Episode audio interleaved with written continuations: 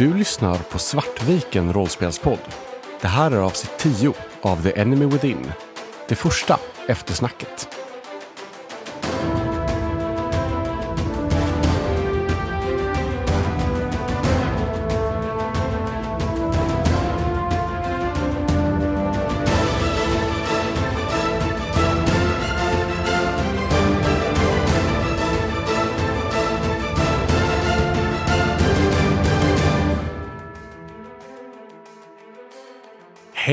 Och välkomna till eftersnacket till prologen till Warhammer Fantasy Roleplay. Vi har spelat färdigt prologen nu i Übersche Reich. Vi har eh, utsatt våra kära rollpersoner för det ena och det andra och nu ska vi eh, prata av oss lite om vad vi har upplevt och vad vi eh, har tyckt om det och vad vi ser fram emot i framtiden. Vi är samlade allihop. Den här gången inte som Olrik, Helge och Wilhelm slash Manfred utan som Moa, Anna och Christer. Hey. Yay. Långt och förvirrande intro. It's perfect. Ska jag bara hoppa rakt in eller? Jag är Ja. förberedd med Ja. frågor. Mm. Den första frågan jag vill ha svar på är hur kändes det att spela din rollperson? Jag känner att jag fick jättebra känsla för Wilhelm. Första spelmötet var väl kanske lite så att man inte har kommit in i det eh, än. Men eh, jag känner ju verkligen att eh, jag hittat en karaktär som jag tycker känns jättekul. Och som är relativt enkel att spela, för att det känns som att man förstår honom. Jag tycker det känns extra roligt eh, när det är uppenbart så att det som har varit lyssnare som har bättre koll på Warhammer, som har hört av sig lite och, och bara utgår från att jag kommer bli ond. Eh, så så nu, eh, nu, känner jag, nu känner jag pressen över att eh, bli en ond nekromantiker. Ror det i Men- land? Wilhelm förändras lite grann under, alltså från din ursprungliga konceptualisering till eh, faktisk, eh, att du faktiskt började spela. Eller? Eh, ja, lite grann. Men det känns ändå som att kärnan var kvar. Jag tror så här, jag, jag, jag missade lite att spela på det här med att... Eh, alltså vi gick ju ändå med i stadsvakten. Och eh, min, alltså den del av min familj som jag tyckte om blev ju faktiskt mördad av något liknande element i min hemby. Så jag tror att jag kände i efterhand att jag borde spelat mer på det. Att eh, ja, det fanns liksom en motvilja och jag kan inte, jag kunde inte gå med i stadsvakten. Eh, så den föll bort lite för att jag glömde bort det. Men annars just den här idén om att man, eh, man har en, en idealist, men som eh, tar till alla medel, tillåt mig, eller som har liksom en misstro mot auktoritet till så pass grad att man inte tänker att de här grejerna som de säger är farliga faktiskt är det. Utan att det är liksom en, en konspiration, en lögn som man måste se bortom för att komma åt den här makten som auktoriteten och eliten uppenbarligen inte vill att man ska ha. Den kände jag ändå, den kärnan var ju kvar. Eh, och det känns, eh, det känns jättekul att spela en konspirationsteoretiker. Jag tyckte att det var väldigt kul att spela Ulrik. Eh, rent vad heter, stereotypmässigt så känns han väldigt lätt att spela. Och det, jag tyckte det var väldigt kul att spela en sån butter krigare igen. Eh, och det, ibland lite grann så är det som att gå tillbaka till min allra första karaktär, Mad Jack. eh, för jättelänge sedan, som också var ganska skogstokig och eh, slogs eh, hejvilt. Eh, så på så sätt har det varit väldigt kul. Och det har varit kul att få vara, ja, men inte så socialt drivande, utan mer ta de fysiska fighterna. Och samtidigt så har det också varit väldigt svårt just för att Slayer är en så svår sak att spela. Som jag nog inte insåg när jag först valde den och tänkte åh det här är någon som är bra på att slåss, det är det jag ska spela på. Men det finns ju extremt mycket både liksom saker kval i hos en Slayer. Eh, som jag har börjat utforska och som jag känner att jag borde ha mer koll på. Och jag kan inte tillräckligt mycket om dvärgkulturen. Men på så sätt har det också varit väldigt skönt för att jag, då kan jag spela på att jag inte kan så mycket om Uberreich-kulturen och bara ja ja, det är så ni gör här va. Så jag har fixat massa böcker nu till de gamla utgåvorna av Warhammer. Mm. Bland annat ett gäng dvärgböcker Så jag tänker att vi kan kika lite på dem och se. För eh, settingen har ju hållit sig ganska stabil sedan första utgåvan. Så det finns mycket där om eh, så stycken om dvärgars kultur, deras religion, deras syn på magi och sånt där. Precis. Så kan man läsa enskilda stycken eh, för att få lite bättre Det koll. låter jättebra, för jag har ju försökt läsa igenom dvärg, eller boken så att säga. Men det, det fastnar ju inte för mig när jag bara läser. Nej, precis. Så att, jag får försöka hitta sätt att behandla informationen. Får skriva noveller. Ja, men typ. Eh, men det känns kul. Och, det- och det har ju också varit en liten press just för att Slayer är ett så särskilt omtyckt. Men att det finns väldigt tydliga uppfattningar kring det. För det kan Ja. jag känna så här, så har det ju varit lite med nekromantiken också. Att Ja. det är uppenbart så att det finns en fanbase som har koll på världen och då finns det väldigt tydliga förväntningar kopplade till Slayer och en, en nekromantiker. Eh, som kanske vi har mindre koll på då. Så att, så att man, bara, man får liksom lite till sig att, aha, så du kommer gå den här vägen? Ja, nej, det är det nog inte tänkt. Eh, och sen är ju frågan det om det är dåligt då. Kommer folk bli besvikna för att man inte går den tänkta eller den förväntade vägen? Eller kommer det kanske att genom att vi inte har, att vi inte är inbitna Warhammer-nördar, Än. än, Än. precis, eh, kommer det då göra att man kan tillföra någonting nytt då? The Svartviken. Way. Jag tycker det är så intressant att ni båda har valt att göra karaktärer som har liksom uppenbara, väldigt så här star- djupa rötter i världen. Alltså rent mekaniskt och i hur världen är designad. Eh, Medan jag, jag, med Helge så gjorde jag ju verkligen, det var ju ganska medvetet val ändå att göra en karaktär som skulle vara så lätt som möjligt och få in i världen för att eh, så här en halvlängdsman som är uppfostrad hos människor. Är, liksom, jag har ingen kultur egentligen att hålla koll på förutom ja, men så här, typ Übesreich eller Al Altorf. Så det är ju väldigt kul att vi två som hatar att läsa långa regelböcker har valt just de här karaktärerna som vi har valt. Men jag tycker om att läsa setting. Så att så här, regler, jag har ju mycket lättare att... Eh, till exempel nu, Kristoffer har ju skickat lite kring liksom ametistkollegiet, sådana grejer. Jag är ju mycket, mycket mer pepp på det än de här magireglerna du har skickat. Eh, för setting tycker jag inte är så jobbigt att tugga sig igenom. Det tycker jag snarare är inspirerande. Och att man, kan, man får massa idéer när man läser. Alltså, aha, så här har nog Wilhelms liv sett ut på kollegiet. Och, aha, den här typen av svårigheter hade jag ju velat att han stötte på i världen. Det vill jag säga till Kristoffer. Men att spela Helge tycker jag var, har varit, alltså mot slutet på äventyret så, så började jag inse att jag saknade liksom eh, styrfart, eller vad man säger, i vart Helge är på väg. Men det kände jag ändå att jag har lyckats typ komma förbi. Eh, för jag, ja, så här, jag hade problem att förstå riktigt vart Helge var på väg om han har liksom övergett sitt agitators eh, Eh, kall eller inte. Eh, men eh, utöver det så, så var det väldigt, ja, det var väldigt kul att spela en, en karaktär som utan att ta fullt ut ledarroll som liksom en mer paladin-liknande agitator skulle kunna göra så, så var jag ändå liksom den mest socialt kapabla utav en grupp eh, rätt socialt inkapabla karaktärer. Vilket ändå så här, jag på något sätt så här kan relatera till på ett helt annat sätt än... Men också lite så här att Helge var ju någon form av antihjälte också. Ja. Alltså här att det, det, det finns, fanns ju nyanser hos Helge där du dels tog mutor och bevisligen liksom hade en väldigt shady sida hos dig. Eh, eller bara pragmatisk sida kanske. Liksom. Men samtidigt att det ändå fanns ideal därunder. Eh, vilket gjorde att du var väldigt välpositionerad mellan Olrik och eh, Wilhelm då. Menar Jo, du att jag inte har några ideal? Eh, ja. Ingen heder, Anna. Eh, nej men det, det är på ytan så skulle man ju kunna se Wilhelm och Helge som väldigt lika karaktärer i hur man beskriver dem rent moraliskt. Men det blir ändå det här, just i och med att eh, Helge är mer pragmatiskt och kanske inte, eh, det är mer så här, det au- anti-auktoritära är ju mera ett, från ett pragmatiskt perspektiv, att det är så här, att de som styr nu har fel. de är onda, liksom, de är dåliga.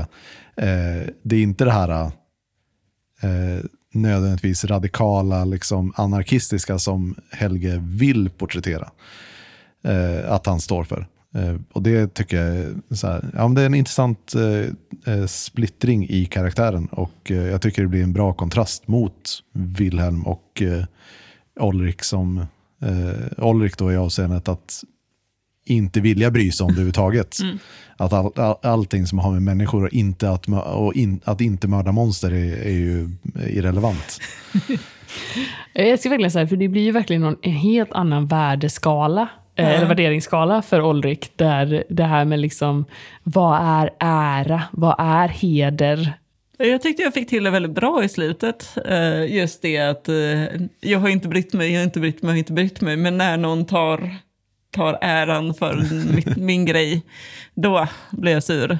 Sen så i efterhand så kom jag ju på att det var ju det sådana samvetskval, så här, borde en slayer vara sur för det?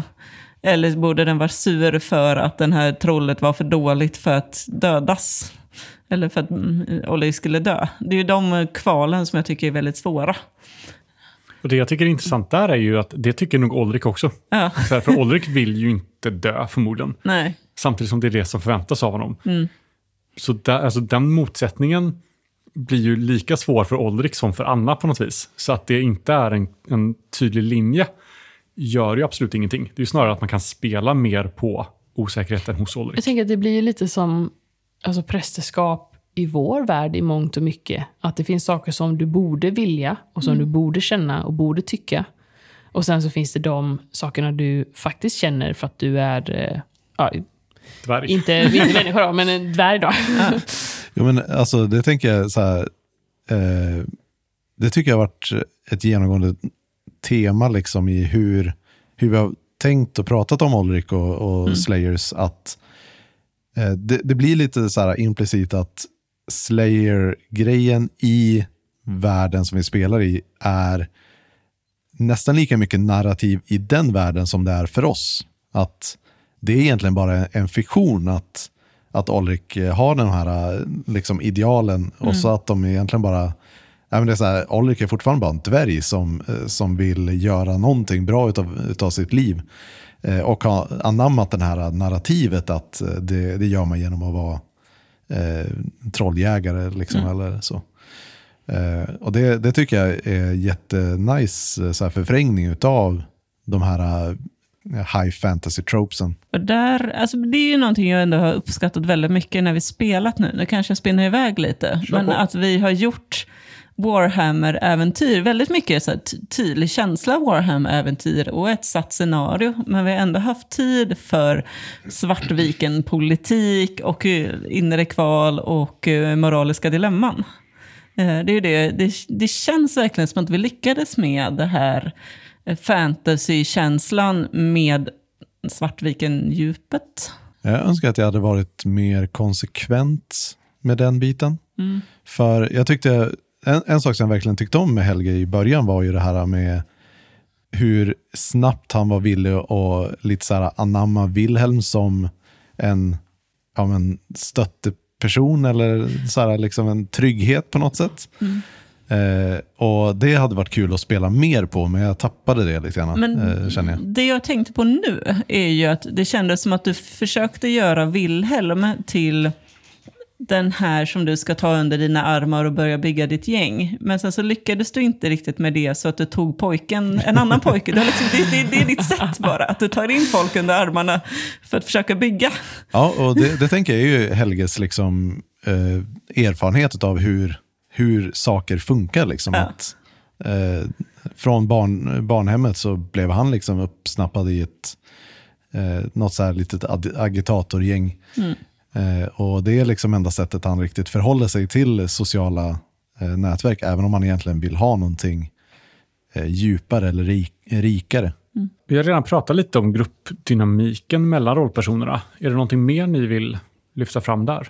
Oh, från, jag vill bara säga från SLs håll eh, så tycker jag att rollpersonerna är fan lysande. Det känns som att var och en av er har liksom nailat rollpersonen verkligen. Eh, kanske inte från första början, men från avsnitt typ två, tre framåt.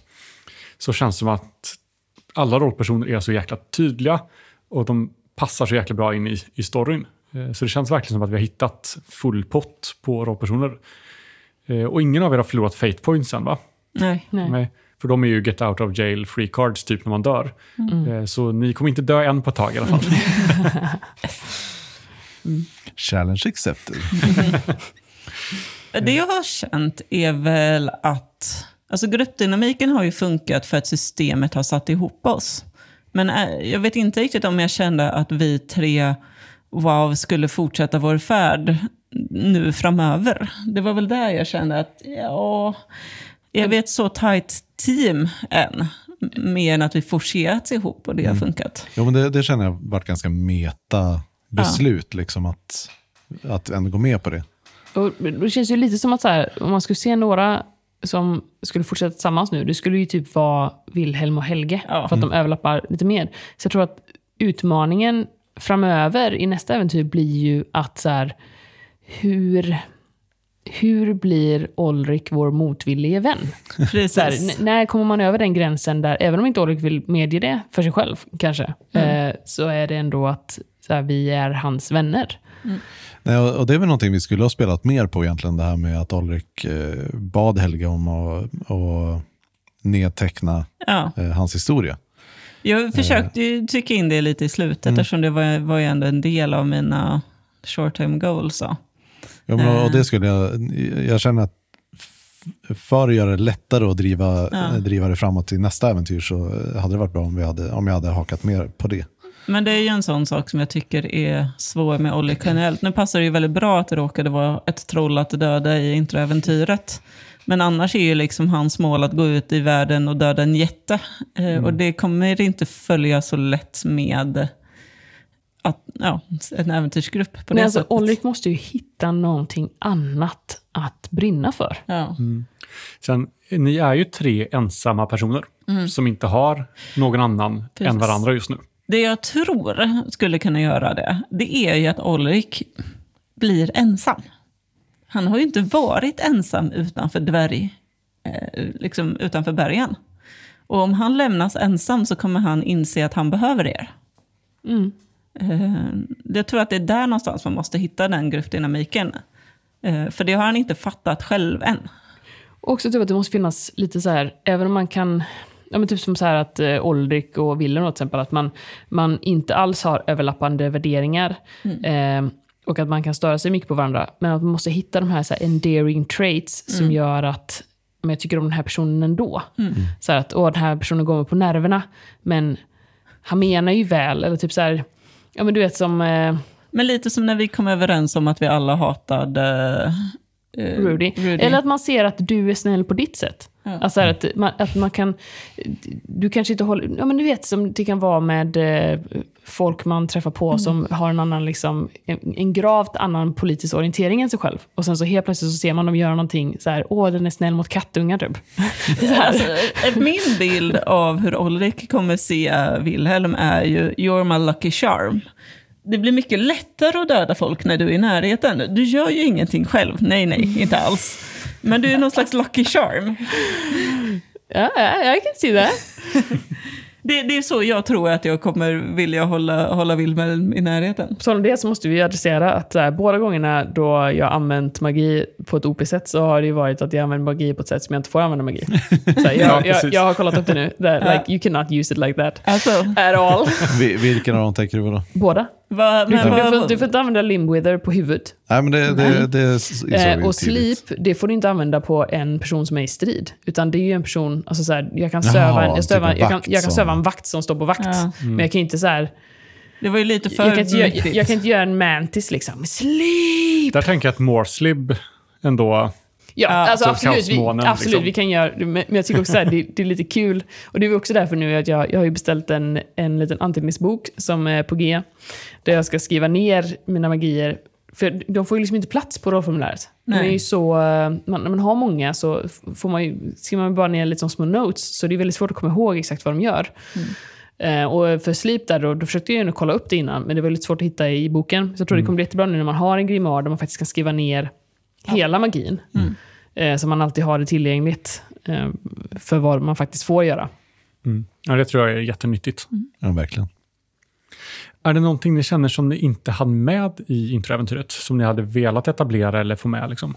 Det är väl min eh, eh, före detta vän som eh, inte eh, har ett bestämt namn ännu, tror jag. Eller den har ett namn, men det, det finns i mina anteckningar. Eh, som, eh, ja men det, jag hade gärna velat haft mer anspelningar på den. Eh, ni som har lyssnat på min prolog, visst har vi en prolog? Nej. Nej. Vi kom... Nej. Jag bara att vi kom till stan, om det var det. Men vi Ja, ska det är ju, bara vi vi som har snackat. ja, vi ska ju Ja. spela in en prolog. Precis, det kommer ju bli individuella prologer inför Men kapitel inte, 1 sen. men vi har inte spelat dem än. demonstration av hur bra mitt minne är. men, eh, nej men eh, just att eh, det finns den här personen i Helges historia som, som jag gärna hade velat haft mer referenser till. Eller så här, velat stoppat in mer referenser till. Eh, är väl det jag känner att jag missat mest.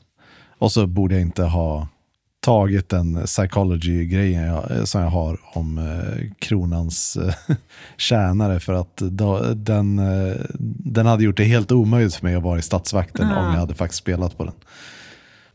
Jag känner att det enda jag ångrar lite grann, det är väl typ att jag inte spelade mer på att Wilhelm var en liten rädd pojke när han kom till Uberstrike. Det tyckte jag var jättetydligt att han var. Ja, men jag kunde gjort mer, för så här, han, han har ju liksom bara bott på kollegiet hela sitt liv. Han har liksom inte, han har ju aldrig varit ute i världen. Han har liksom aldrig behövt hantera pengar, han har liksom aldrig behövt... Han har varit i totalt sluten värld. Så jag tror att man hade kunnat göra mycket, mycket mer med det här naiva, rädda och också då att du tillhör en utsatt grupp. Så att man kan liksom inte vara öppen med den man är. Eh, vem kan man lita på? Det blir nästan så här lite som typ om man levt under ockupation och liksom under en auktoritär regim. Så här, att vem... Att man inte... Det är liksom inbyggt i det att man inte kan lita på folk. Där tänker jag ju att eh, Wilhelm och Ollik verkligen skulle knyta varandra. För Ollik är ju också ganska ung i dvärgmått. Hyfsat i alla fall. Och har ju alltid levt ganska isolerat uppe i bergen. Eh, men han hanterar ju med att vara mycket mer kaxig än vad han egentligen är. Så vi, vi kan eh, hitta varandra i att vi inte vet hur någonting... Hur något Fan, något funkar går till, egentligen. liksom. Det är lugnt, Helge vet. Så det kanske är vi två ska lämnas ensamma någon gång och bara, vad gör vi nu? Hur löser vi det här? Ja. Svar, det gör vi inte. Hur beter man sig bland folk? Ja. Ingen vet. Ja, För det hade jag någon idé om att Willem skulle vara väldigt så här, stirrig och typ socialt awkward i att så här, det blir för långa pauser och han säger så här, konstiga grejer. Men att folk har överseende för, med det. För Att att, jag, snygg. för att jag är så snygg. För att jag har det här attractive som slog fram attractive som trait. Eh, Det hade jag gärna spelat mer på. Liksom, att, så här, socialt inkapabel. Men eh, och också så här, hade jag varit ful så hade jag varit jättecreepy. Men det tror jag ju också att det handlar om att vi inte spelat så mycket med... Vi har spelat väldigt mycket mot oss själva och förskrivna SLPs. Eh, Det hade varit intressant om Olrik till exempel träffade en dvärg någon gång. Och jag kan tänka mig att om eh, Wilhelm försöker socialisera med random människor, att där kan det komma fram mer den här awkwardheten. Ja, för framöver kommer ni ju inte ha ett... Alltså, ni kommer inte ha ett uppdrag på samma sätt i Nej. statsvakten, utan ni kommer ju eh, möta människor på samma plan som dem. Ni kommer inte vara i en position av makt.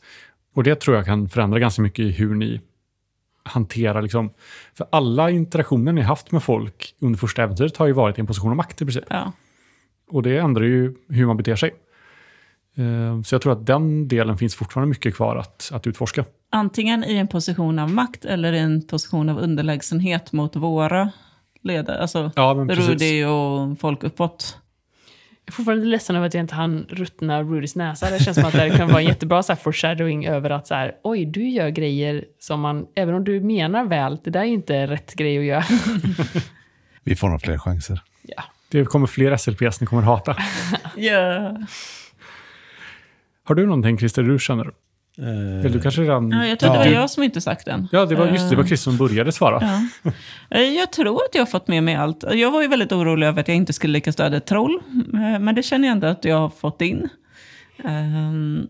Och sen så känns jag känner inte att jag har ett behov av nu, nu att spela på vad det nu än är som har fått Ulrik att känna så mycket skam. Vi har ju några idéer. Men eftersom jag inte har hittat det än så kändes det inte som att jag har behov av att spela mer på det. Um, så att, uh, det har varit kul att, att, testa det man kan hittills. Jag har nog fått det jag tänkt i alla fall. Mm. Jo, uh, det var en sak jag kom på. Och det handlar ju också om att jag måste lära mig mer om dvärgar och spela på det här med mutationer och uh, witchcraft och hur Ulrik faktiskt ställer sig till det. Just det. Både mutationer och magiker då. Jag tittar lite på Moa. Ja, precis. För mutanter kommer ju ha en stor plats. Det kommer vara en viktig tematik mm. liksom, i kampanjen. Så magi och mutanter är bra att veta hur ens rollperson precis. ställer sig till. Liksom. För de är en, det är en stor del i Warhammer-världen. Mm. Folk muteras. Liksom det, det är ganska vanligt. Och mutanter är i dagsläget olagliga. Man får inte vara mutant. Mm. Eh, så att ha en, en åsikt om det som rollperson är, är nyttigt. Har ni någon favoritscen från prologen? Häxstugan. Jag misstänkte det. Mm. Den känns som att den föll dig rätt i den, eh, smaken. Mm, det gjorde den. Och då får jag bli jag säga trollhuvudet. Mest för att jag fick en så härlig bild. Men också... Alltså jag gillade häxstugan eh, faktiskt och vägen dit där vi hann få lite karaktärsspel. Eh, och att det började väcka liksom, osäkerheter hos Olrik. För det hade ju om, eh, beroende på hur det hade slutat, om Olrik faktiskt hade blivit tvungen där att döda häxan eller vad hon nu var, så vet jag inte om han hade gjort det. Eh, och det var kul att börja se samvetskval hos honom helt enkelt. Sen tycker jag också det, med Trollhuvudet så var det kul också just bara ur det här fantastiska med generativitet i rollspel. Att det var så, det var så många saker som föll på plats. Ja. Så, att, bara utifrån slumpen, att så här, vi slumpade fram att, eh, ja, men att jag lyckades med eh, mitt slag, vi valde den. Att, och att vi slumpade fram så att det blev huvudet. Mm. Eh, det är en sån sak som ändå är det fantastiska med rollspel. Att, eh, och det är, det är ju där tabeller gör sig som bäst. När det faktiskt blir sådana här helt oväntade grejer som bara wow, eh, man inte riktigt hade tänkt på själv. Men det är inte det här diskussionsavsnittet. Eh, men eh, fast det är ändå så här, vad är grejen med Warhammer, tänker jag. Ja, ja, att det har varit ovanligt att, att, att kunna använda det. Mm. Så, men det är nog mina favoriter. Jo, jo, en till. Flygande grisen. ja, den, är, den var fantastisk. Så. Ja, alltså favoritscen. Jag vet inte, jag tyckte det, tyckte det var mysig stämning i eh, hela så här runt uh, setupen där. Där vi uh, förföljde den här korvätaren. Korv. Till Satriolis korvbutik. Ja, ja. just det. Franco, eller vad han? Någonting sånt. Något sånt.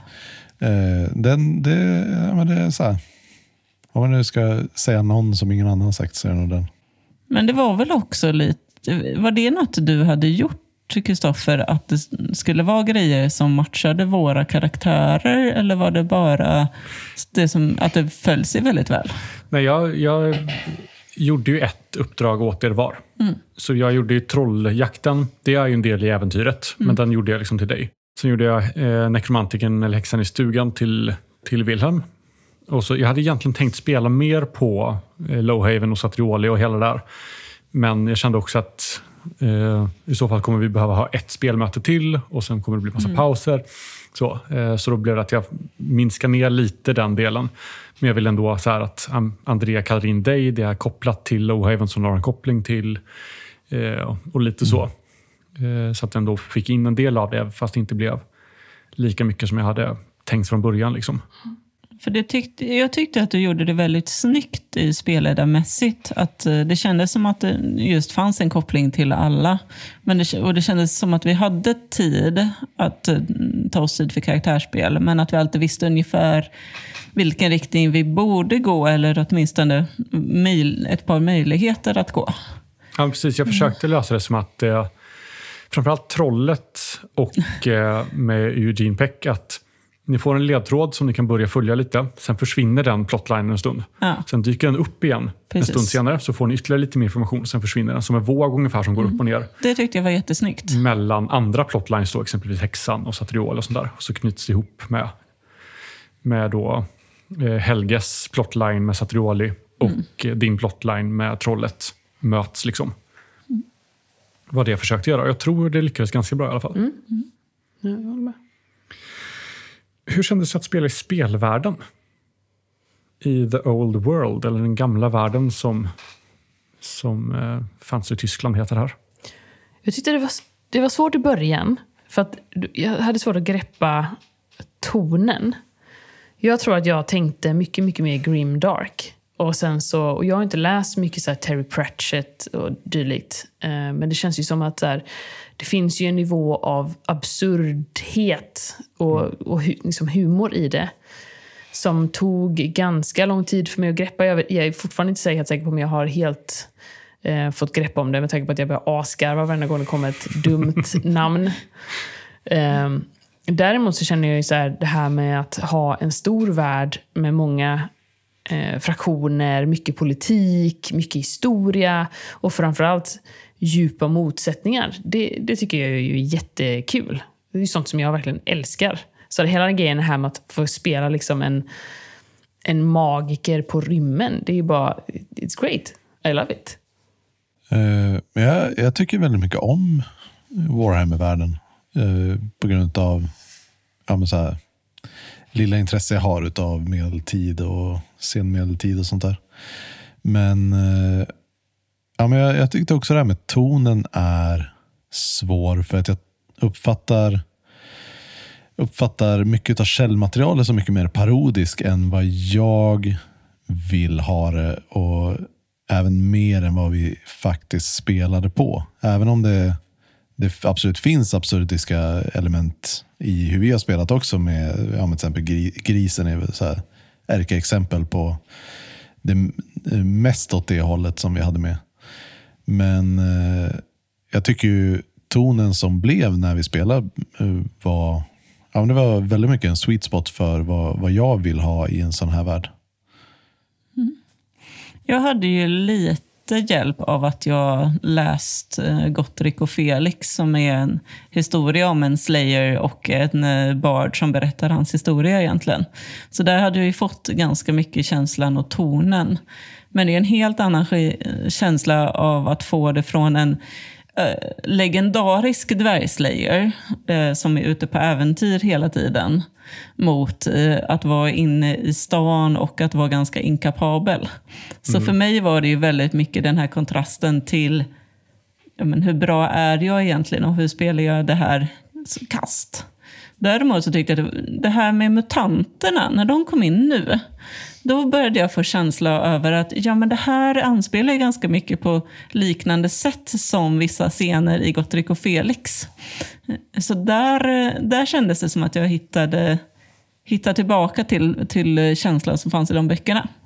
Jag tror att jag har hjälpt där av att det är den här makabra humorn som finns med, men också ganska mycket high, högt äventyr.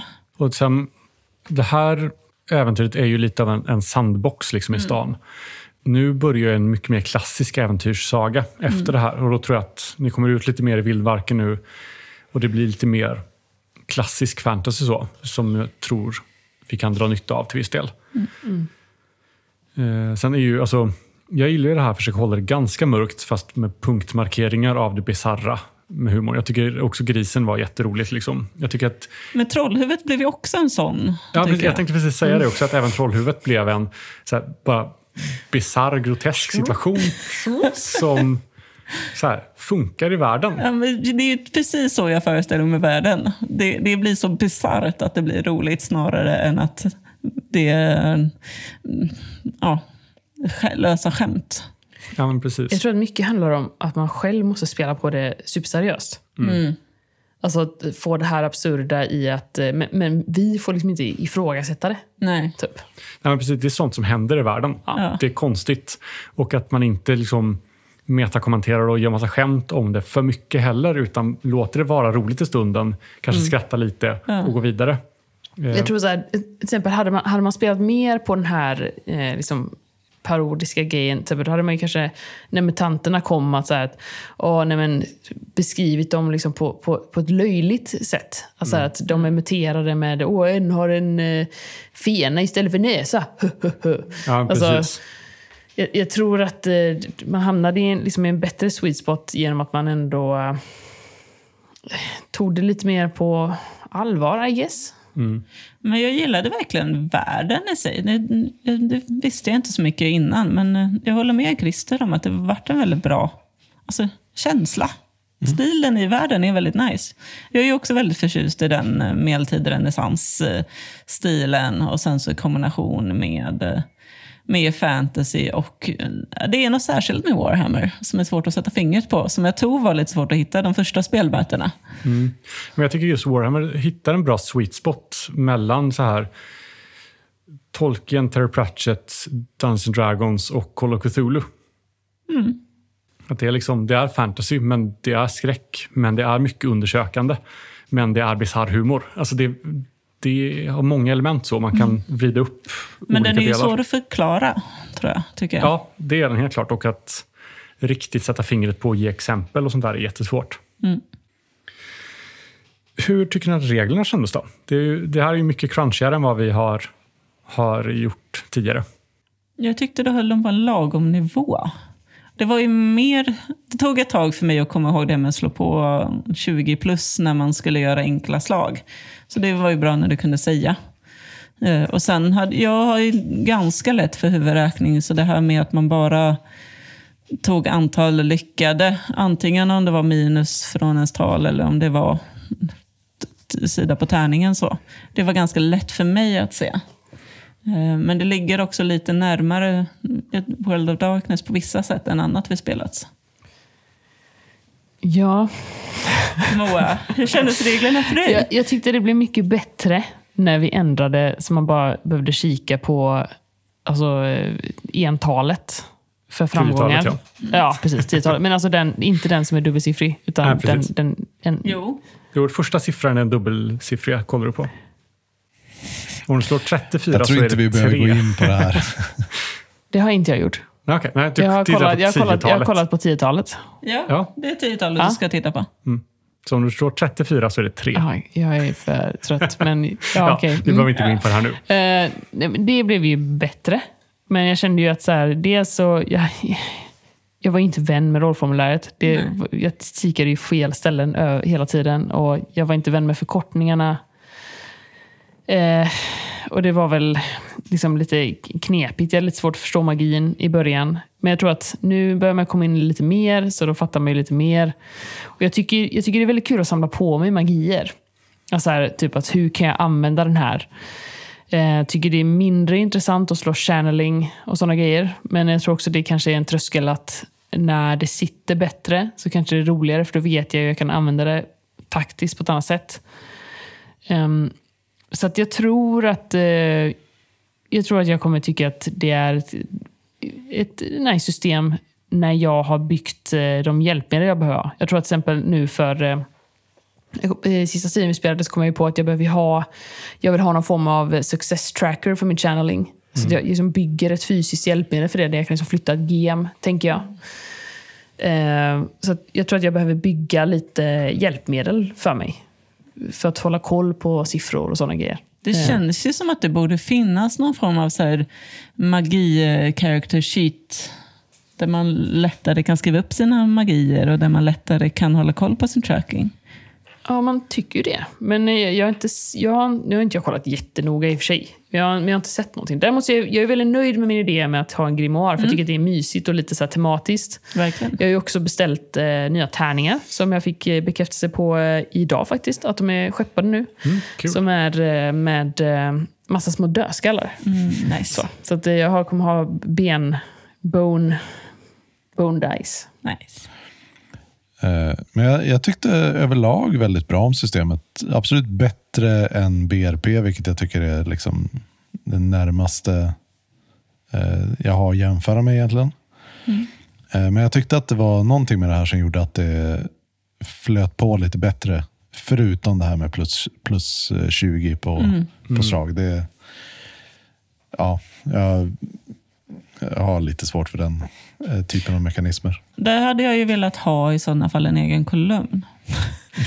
eh, som de har i Call of Cthulhu, alltså där, det är, där man kan titta på, här ska titta om det är enkla slag. Istället för att komma ihåg att jag ska slå på, lägga på 20. Och där kommer vi till vad jag tycker var sämst med eh, det här systemet. Det är ju varje gång man ska förändra någonting. Mm. Mm. Varje gång man skaffar ett nytt vapen, att man får göra den här dans, drakar och demoner uppslaget på ja, men så här, hur mycket skada är det, vilken räckvidd är det, allting liksom och skriva ner på formuläret. Och varje gång man ändrar en attribut så får man ändra liksom massa färdighetsvärden. och eh, Det är liksom och mängden XP som man, som man eh, handlar med. Liksom, att det, är- det känns som att det hade varit rimligare om man bara hade delat på 10 och att det billigaste kostade en XP. Liksom.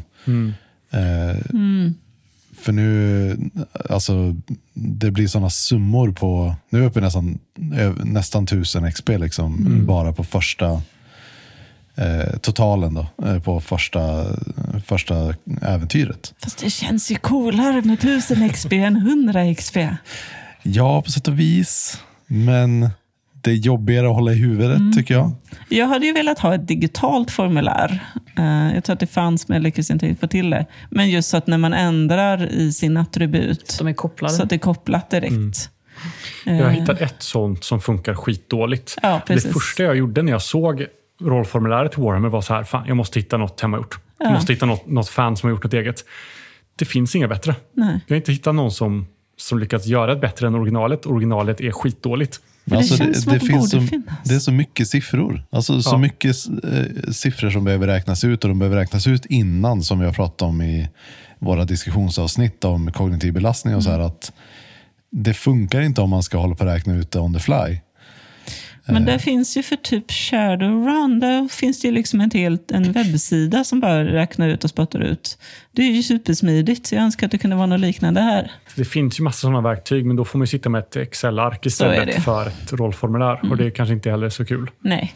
Så eh, Mattias pratade ju lite om nu när han snart är färdig med eh, eh, hemsidan för eh, förskolekooperativet att ah, då, kan jag, då kan jag sitta lite mer med eh, Svartvikens hemsida igen. Det kanske kommer upp ett, ett Warhammer-länkat formulär på...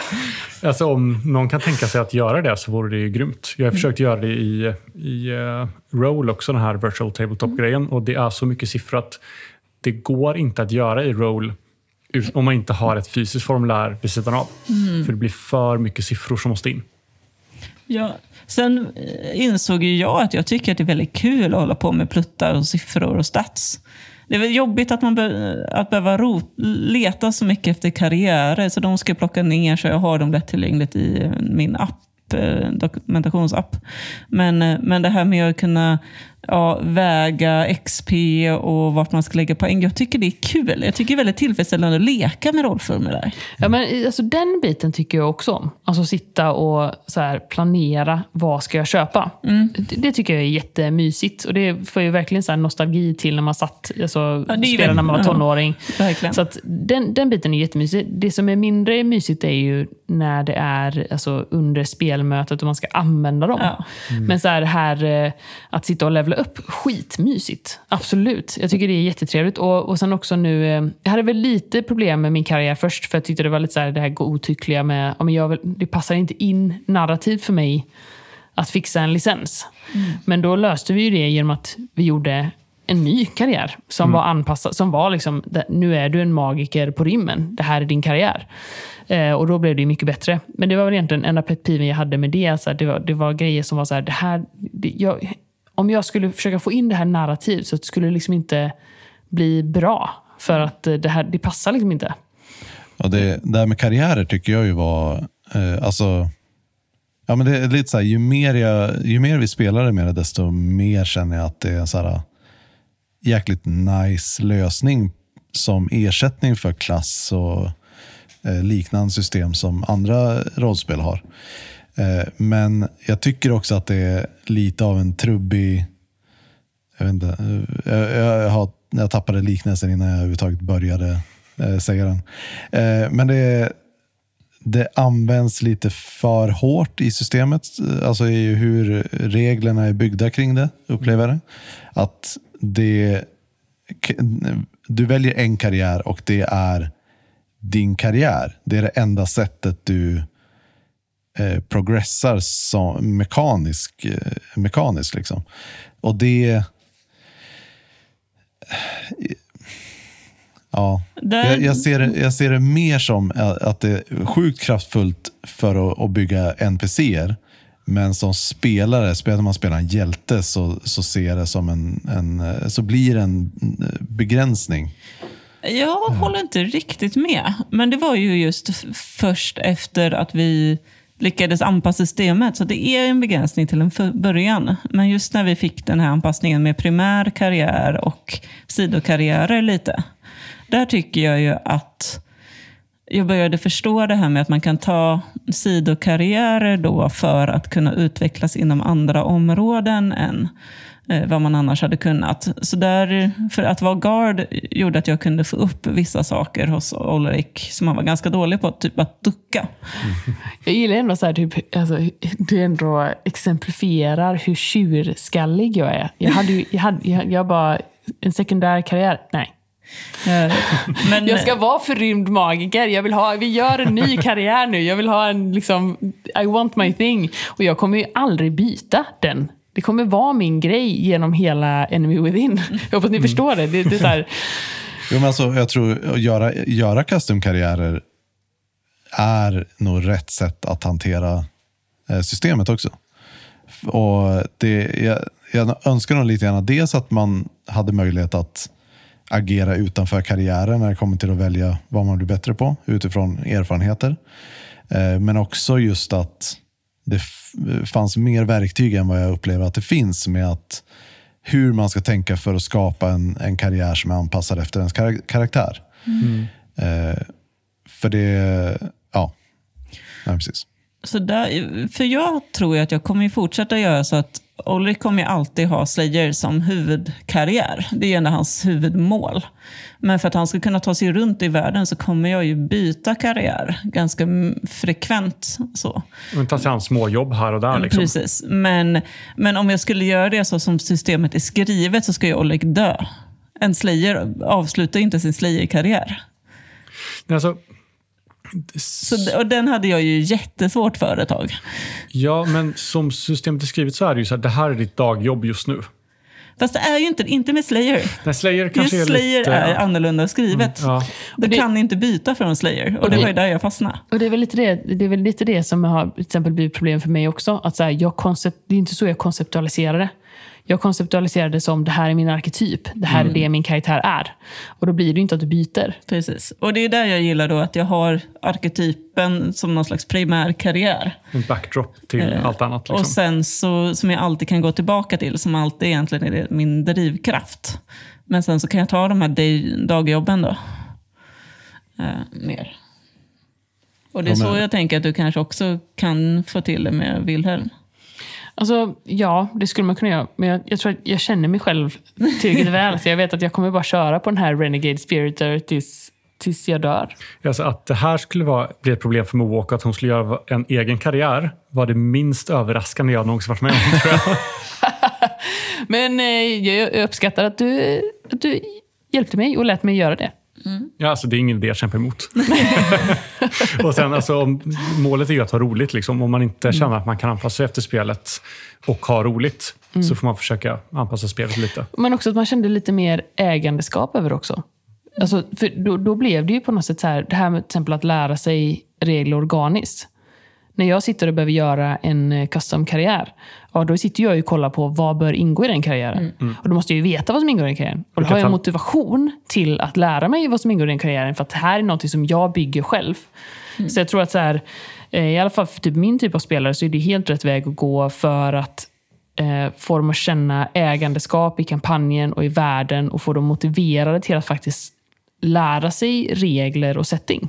Mm. Ja, men Men verkligen. det tror jag att vi har pratat lite om i ett diskussionsavsnitt innan. Just det här att, så här, att, att ge ut viss typ av ägandeskap till spelarna kring vissa delar i världen för att få dem investerade.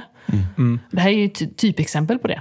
Ja, precis. Jag brukar prata om det just med att låta spelarna etablera platser och personer och sånt där exempelvis. Just för att man ska känna mer egenskap i världen. Jag har inte tänkt på det på det sättet, men det, det känns verkligen som att det var, det var ju det vi gjorde i gymnasiet och så här när vi spelade rollspel. Och ja, men typ, spelar man alv, då, då eh, det var ingen som orkade läsa på sig om vad alv var, så det blev upp till den som spelade alv att äga vad alvkultur innebar i den värld vi spelade. Eh, och då blev det ju det som blev kanon i världen också.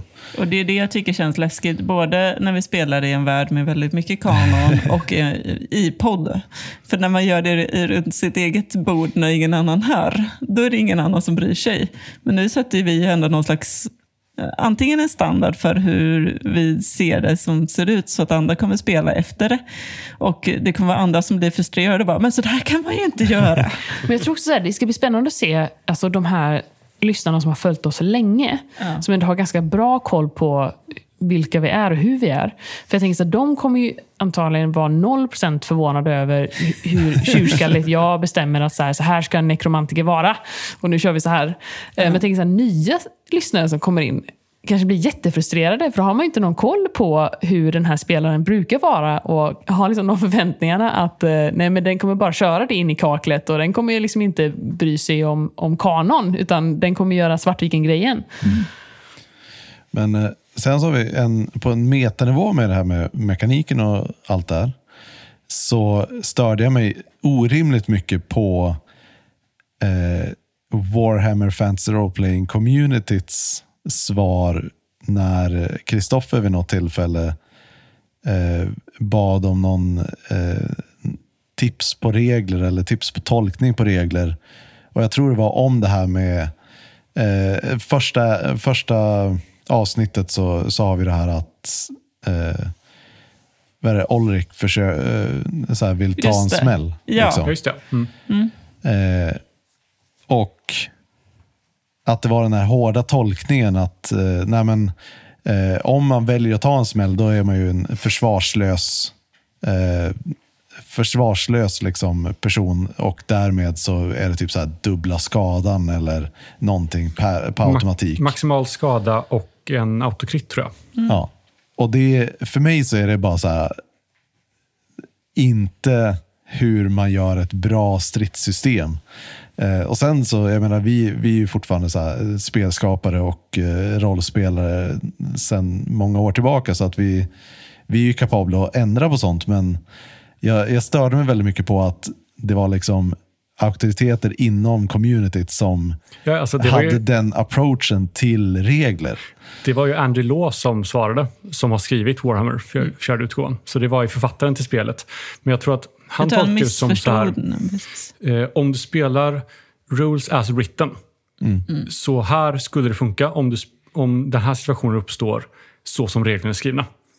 Eh, sen tror jag att det är en situation som kanske aldrig borde uppstå Nej, så sätt. precis. Jag tror egentligen att det var att jag glömde bort eh, parera. Att det fanns som en action. Mm. Eh, för jag tänkte säga, men Oleg ska ju inte ducka. Han vill ju typ men, men parera eller ta det. Eh, så det var ju mer att jag glömde bort att, vilka alternativ det fanns till ducka.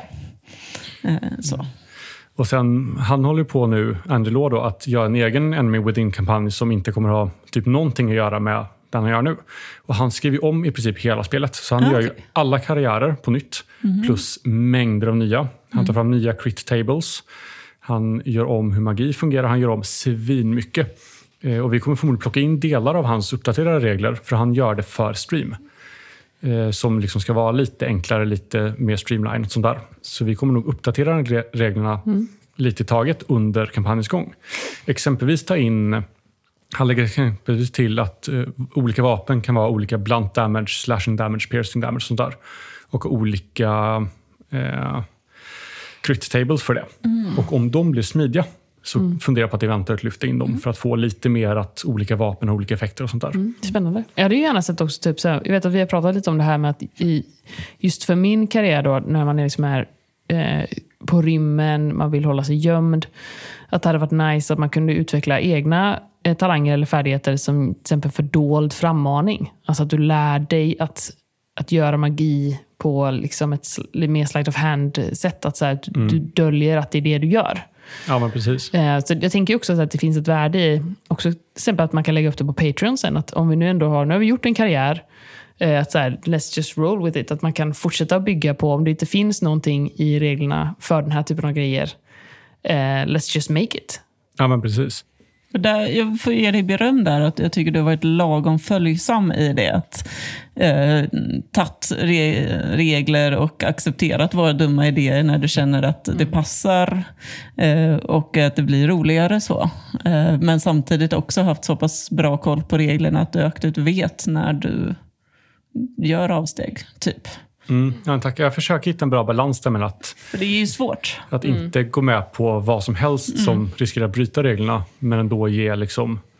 Jag vet ju själv att jag tycker att det är en jättesvår balans för mig själv. Att eh, hur mycket ja eller nej ska man säga? Ja, man men vill ju säga ja när det liksom, så här, ja, men det här hade blivit väldigt coolt. Men, Men det man, är vill inte svårt. bara, man vill inte bara slentrianmässigt säga ja. Nej, och man vill inte säga ja utan att, eh, så att det blir någon slags motsägelsefulla grejer heller. Nej.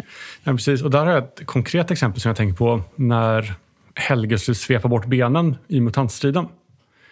Eh, Du ville attackera någon. Just det. bort. Eh, eller så här, eh, min, mitt spjut i mellan benen och Ja, Och fälla personen. Ja, men precis. Där det då finns två delar hos mig. Dels vill jag att man ska kunna använda momentum till fler saker. Ja. Och andra saker att ge conditions eh, kostar två momentum. Eh, samtidigt som jag ser att så här, okay, men det vore coolt att göra. Men om man kan göra det coolt och ge ett condition fast inte betala för det, så tar man ju bort en sak som man kan använda momentum till. Vilket gör- urvattnar lite momentum-grejen. Men det vore också coolt att kunna göra ändå. Alltså att det blir så här, jag har två olika designprinciper i huvudet samtidigt som är inkompatibla. Eh, och där blev det att jag då sa att det kostar ett momentum. Vanligtvis kostar det två momentum att göra sånt här. Men det, Eftersom det, blir coolt i stunden. Eller, ja. Jag gör det billigare att utföra, men att den då kommer till en kostnad. Liksom. Eh, Men sånt är alltid svårt, framförallt när det kommer i stunden att man ska göra så här. Okej, du vill göra det här. Eh, Vad sa du nu? Nej, men att man måste göra judgment calls i stunden. Ja, men Det är allt precis. svårt. Eh, Så den, ja, men det är någonting värt att, att utforska, för jag vill ju gärna att det ska finnas mycket att göra med momentum. Men också att man ska kunna göra saker om man inte har momentum. Så det blir en väldigt så... Eh, Ja, för jag gillar ändå väldigt mycket eh, jag gillar momentum just i... För jag spelade ju ändå ett- väldigt mycket av en support-karaktär och det lär ju jag antagligen fortsätta med. Liksom. Så just att kunna generera momentum till för de andra att använda, till exempel typ Anna. Det är jättekul. Ja, jag tyckte också att det var väldigt kul, för då kändes det som att strider blev Teamwork. inte bara min grej. Nej. Ja, Utan att precis. ni också kunde ha lite kul i strid. Och Sen kan vi hjälpas åt att hitta på fler saker. Sen funderar jag också på en sån sak att alla strider borde inledas med två eller tre momentum på varje sida. Så att man har, slipper skapa momentum för att få momentum. Utan att man liksom så. Men det kanske skulle lösa din, ditt problem, Christer. För du tyckte att vi hade lite lite momentum senast för att vi slog så dåligt. Eh, Och bara att ha ett par i början kan ju hjälpa det. Jo, men alltså, jag tror ju charge-varianten, att man alltid startar varje scen med två momentum, eh, är en ganska rimlig approach till det. faktiskt. Ja, precis. Om man inte typ har, är överraskad exempelvis. Eller så att, eh, men att i men grund då kan man ha specifika mekaniker för att säga när, när gör man undantag från det. Liksom, eller Ja, när precis. får man bonusar. när man är i stort. Det finns faktiskt en lista för det när man börjar och inte börjar med momentum. Om man är fler på en sida så har- börjar de med momentum. Eh, om de överraskar så har de momentum. Eh, egentligen heter det advantage, det vill säga har man en bättre position än sin motståndare så börjar man med mer advantage. Och där tycker jag att det är ganska... Det är förvirrande och skönt att du använder momentum. För att vi förstår konceptet momentum i spel. Mm. Men när man sen ska sitta och läsa reglerna så står det om olika saker med advantage. Ja, Särskilt precis. vissa av mina talanger handlar om att använda advantage på det gamla sättet. Mm. Eh, Så där kommer jag behöva fråga dig sen lite om hur funkar det här med det nya sättet att använda momentum? Det kan hända att det finns en uppdaterad text på de talangerna Ah, i okej. Up in Arms. För, För- de har uppdaterat de talangerna där. De, just talanger använder jag ju typ aldrig. Nej. Eller jag använder aldrig talanger, för det, var, det är den delen av systemet jag inte fattat än. Jag skulle rekommendera att skriva ut dem som typ kort så att du har dem Det är fysiskt. en jättebra idé faktiskt. Eh, Så att du verkligen har dem. Jag tror inte jag har några så här som man kan använda. Jag tror att alla mina typ är passiva. Ja, okej. Ja, jag har flera kan som är få- använda i strid. Jag måste Så. nästan kolla på mitt rollformulär nu bara för att... Typ att jag kan dual wielda eller grejer. Ja, det är jag lite besviken över att jag inte lyckats använda bladder en enda gång. Du har bara gjort det ändå. Nej, jag, så här, jag har inte använt det överhuvudtaget. Men det var, vad, är, men vad, är, vad gör den? Den eh, stannar en, eh, en motståndare. För att du fladdrar så mycket? Ja, jag jag älskar det. Jag, jag har bara passiva. Jag har inget som jag kan använda aktivt. Nej. Mm. Det är ju tacksamt mindre att hålla koll på. Ja. Det är alla Det, det enda som jag har koll på det är ju de här man får eh, plus 10 på slag. Men det är ju lite som, nu behövde vi inte det, men har alla night vision nu? Nej, Eh, jag har det. jag har inte det. Nej. För det, hade varit, det är en sån passiv grej jag har. Som går Jag kan se på. magi dock. Fast det kan jag inte ens komma på nu. I don't have that one. Nej, För det var ju en speciell... Ja, Just det, att, att ha kontroll över den. Eh, Ja. Win, eh, second öppna- sight. Second sight har jag faktiskt inte. Jag tänker en sista fråga innan vi rundar av. Vad ser ni mest fram emot i nästa del av kampanjen? Dödsmagier. Alltså jag är så... Jag har så många på min lista som är så här, de här ska jag köpa. Och det kommer bli... Alltså, det kommer bli episkt. Jag vill också göra egna magier sen. När jag, när jag köpt alla jag kan köpa. Vilket kommer hända. Jag, kommer inte, jag tror inte jag kommer levla upp någonting annat förutom, förutom det här. Jag, jag ser fram emot att kunna göra någonting i strid. Eh, och faktiskt lyckas med det. För eh, ranged är eh, kast. I, på tal om eh, meka, mekanik. Eh, men eh, jag tror att det kommer bli bättre med lite talanger och eh, bättre stats och kanske mina pistoler. Eh, Mm, och mindre kaotiska strider tror jag också kommer hjälpa. Ja, om vi, om vi får en take the drop on someone så eh, har jag absolut en fördel där. Men eh, om, eh, om vi vandrar in i strider så, ju, så måste jag ju spendera minst tre runder eh, på innan jag får göra skadan. Liksom. Jaha. Men eh, så är det för mig också. Bara bara för så här, jag måste, jag, det är ju typ minst två, tre rundor som jag behöver tillbringa bara genom att samla på mig magi innan jag kan göra någonting egentligen. Och då är det inte säkert att jag lyckas göra det jag har tänkt att jag ska göra. Mm, Om du inte använder Petty Magics då. Om jag inte använder Pet Magics. Men, eh, De får du väl knappt använda då i strid? eh, nej, men de, det är ju inte så många av dem man kan använda på det sättet i strid. Då. Det, det var ju, alltså, Sleep var ju en Petty Magic, men eh, sen, man, man fick ju inte använda det på det sättet. Då. Så jag tror, Nej, inte, att det är så, jag tror ju- inte att det är så mycket Petty Magics du får använda i strid. Du kan ha sönder armor tror jag, med rot exempelvis. Ja, men då måste jag... Eh, Bidrar. Eh, nej, det måste jag faktiskt inte. Det är en yard. Jaha, Det, det, det skulle jag faktiskt kunna göra. Jag skulle kunna ta bort en armor point på en hit location. Sen rekommenderar jag verkligen Dart till dig. Det är en klassisk, så här, skjuta några pilar från handen och bara göra skada. Men, men det är också så här, jag, jag vill ju inte det egentligen. Jag vill, ju, jag vill ju ha de här konstiga, att jag får saker att förmultna och jag kan prata med röda katter och typ återuppväcka så här möss som har liksom, Ja. gått hädan. Eh, så det är någonstans tänker- så här, man, man vill ju ha de här, de här lite kn- knäppa, äckliga, kusliga magierna. Ja, men sen använder dem på spännande sätt. Eh, som Battle Magic, liksom, att du har en som du vet är, kan göra skada. Så här. Men då är jag också så här, jag tror att jag är typ för tjurskallig, för då är jag hellre, hellre dålig eh, men tematisk. Så Ja, att jag, ja, så här, så att då, då står jag ju hellre där och liksom... Eh, men jag har, inte, jag har inte upplevt det som ett stort problem. Nu lät det som att jag upplevde det som ett problem, men det har jag inte gjort. Eh, Jag bara så här, ville bara förmedla det, att jag har också den, att det tar väldigt lång tid innan jag kan göra någonting. Men jag tycker inte att det är jättejobbigt för min del. Jag ser fram emot att utforska Olrik mer. Eh, nu var han ju ganska kaxig på ytan, men egentligen ganska inkompetent. Men att se hur den, den sagan utvecklas till att kanske bli mer ödmjuk och duktig istället. Eh, så det, den är jag ju mer väldigt intresserad av att se. Eh, Och lite hur, hur han förhåller sig till när han möter andra dvärgar, för det har han ju inte riktigt gjort än. Han är helt färsk som Slayer också. Han Ja. kom väl precis ner från berget Han kom precis ner från berget. Eh, Så det, det här var ju liksom hans första mm, bild av Slayer, eller vad ska vi säga. Kommer det vara vårt mission nu då, att vi ska ta bort din hjärntvätt och få dig att öppna ögonen för de verkliga problemen i världen? Eh, Det kan vara det ni ser i alla fall. Jag ser fram emot när Wilhelm ska säga jag heter inte Manfred. Ja, gud. Det har faktiskt varit rörigt och jag undrar hur rörigt det kommer vara i podden. Eh, Eftersom vi tror har, jag lyckas vara ganska konsekvent med Manfred. Ja, men eh, det, jag vet att när jag lyssnar på podd och någon pratar om en karaktär med fel namn eh, så kan det bli rörigt. Vem är, vem är Manfred, vem är Wilhelm? Är det samma person? Ja, egentligen kanske man bara borde referera till mig till som Manfred alltid. Tills det är så här, nej jag heter inte det. men, eh, men jag är ju väldigt pepp också på när det kommer fram att jag är magiker. Ja. Men det känns ju som att man har liksom lite gått och, och hållit på det. För att så här, jag hade ju gärna sett att det kommer fram när jag gör någonting som liksom binder er till mig. Så att det Ja. inte kommer fram då ni fortfarande har en eh, anledning att walk away. Utan att, så här, att jag kanske typ räddar livet på er eller att jag räddar livet på någon annan. Eller att jag gör någonting som på något sätt vinner er respekt.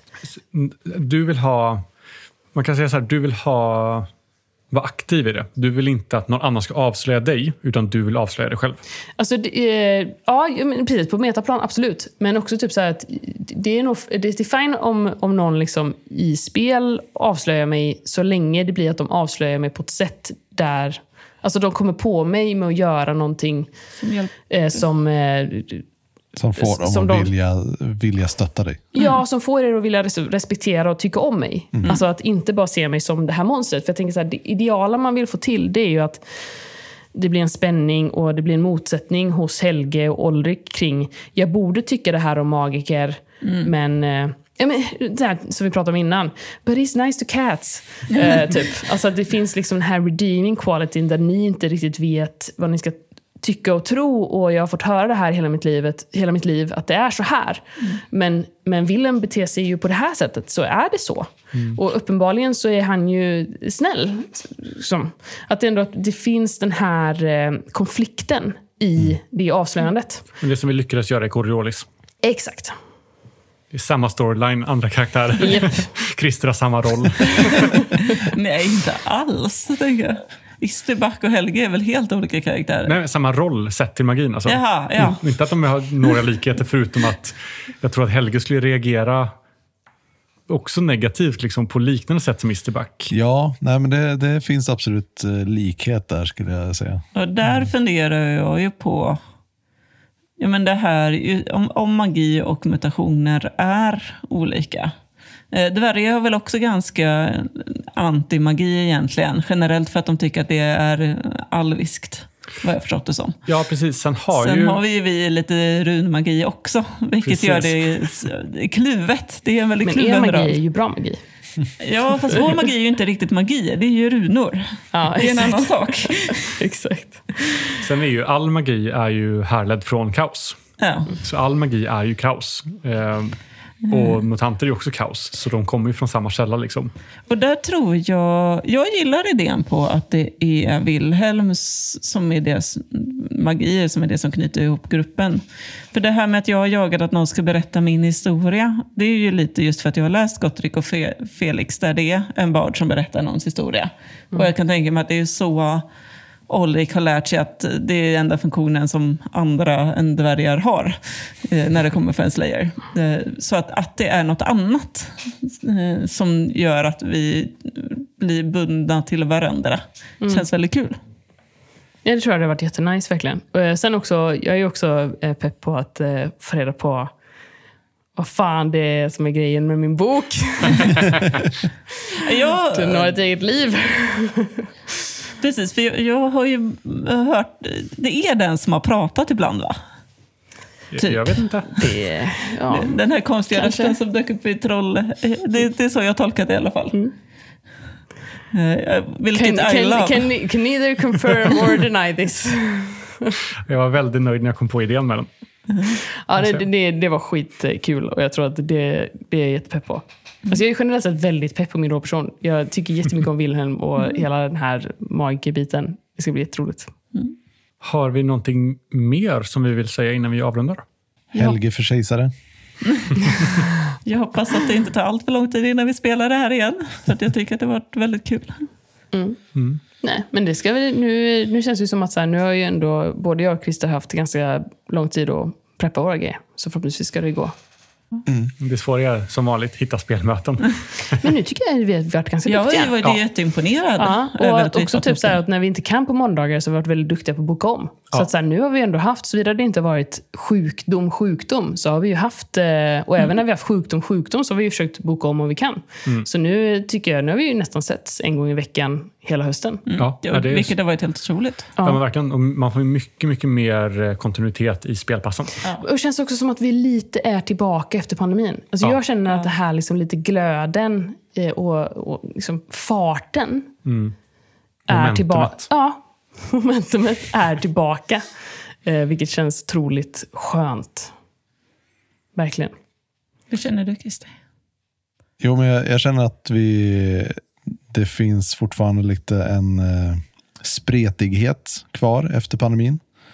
Eh, att, eh, det kan, jag vet inte hur mycket det är i, bara i mig eller om det är liksom faktiskt i hela gruppen, men att det, vi vill väldigt mycket nu när det känns som att vi börjar på att få upp styrfart igen. Vi Eh, spelar allt. och eh, att jag, jag känner själv att jag har lite svårt att riktigt fokusera på vad. Jag vet bara att jag vill spela mer och fortsätta spela. liksom. Eh, och spelleda och allting så här. Men eh, Precis, Jag vet det inte är om vi faktiskt har, välja. har, vi, har vi uttal... Jag har tolkat det nu som att vi kommer spela Skjut dem i huvudet och sen Ahea säsong två. Är det är det, min- som är uttalat? Det är min tolkning också.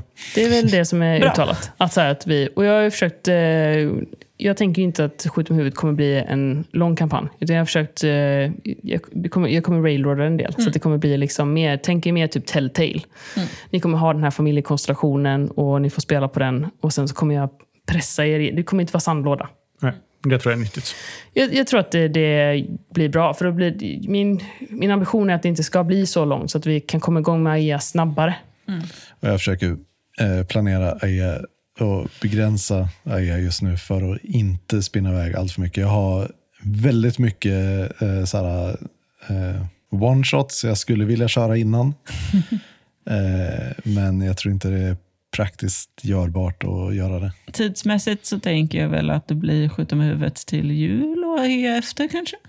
Mm. Om vi hinner det. Efter, måste väl vara lite mer efter jul va? Det kanske är fler möten. Jag vet inte hur många Vi, spelmöten kom, det vi blir. kommer inte ha så mycket spelmöten Nej, i november det är sant. december. Nej, liksom. precis. Jag tror nog kanske att eh, eh, januari, februari hoppas jag på. Ja. För att skjuta med huvudet. Ja, att eh, vi sen är färdiga med det. Mm. Eh, jag ska försöka pressa på. Så kanske vi startar med Enemy Within till nästa höst igen då? Ja, men precis.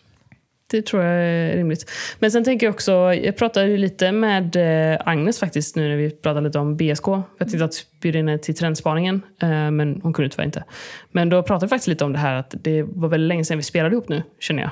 Eh, eller jag spelade ihop med henne på Gothcon, men då var ju, det var ju väldigt kort inspel i deras Valerie-podd. men, eh, men det hade varit väldigt kul och att hon kunde vara lite mer recurring i AIA.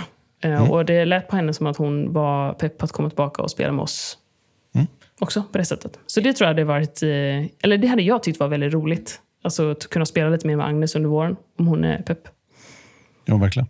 Uh, jo, Aislinn uh, har ju absolut en uh, framtida roll och dessutom lite prequel-grejer som en sak, eh, för en sak som jag har funderat på är ju att det skulle vara kul att få in eh, ett, några spelmöten och, och spela någon form av Aislinn i eh, Kalinien.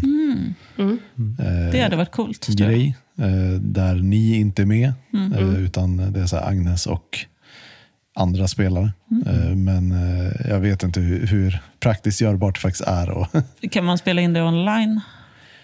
Så att det blir ett Ja. sånt öppet Patreon-material, tänker jag. eh, kanske. Det låter väldigt coolt. Det, Jag Fast hade tyckt det var riktigt coolt. Mm. För det är liksom det, den prequeln och eh, barnen som eh, jag, för det, det, det är en tråd som jag, gärna, jag väldigt gärna skulle vilja plocka upp som jag tappade lite grann i första säsongen eftersom den bloatade så enormt mycket. och, men säsong två kommer vara mycket mer streamlinad, är min plan. Det, Lycka till. tack. Men hörni, tack för att ni har lyssnat på Warhammer eftersnack och Ahea försnack. Så ses vi i poddeten snart igen. Hej då! Hej då. Hej då!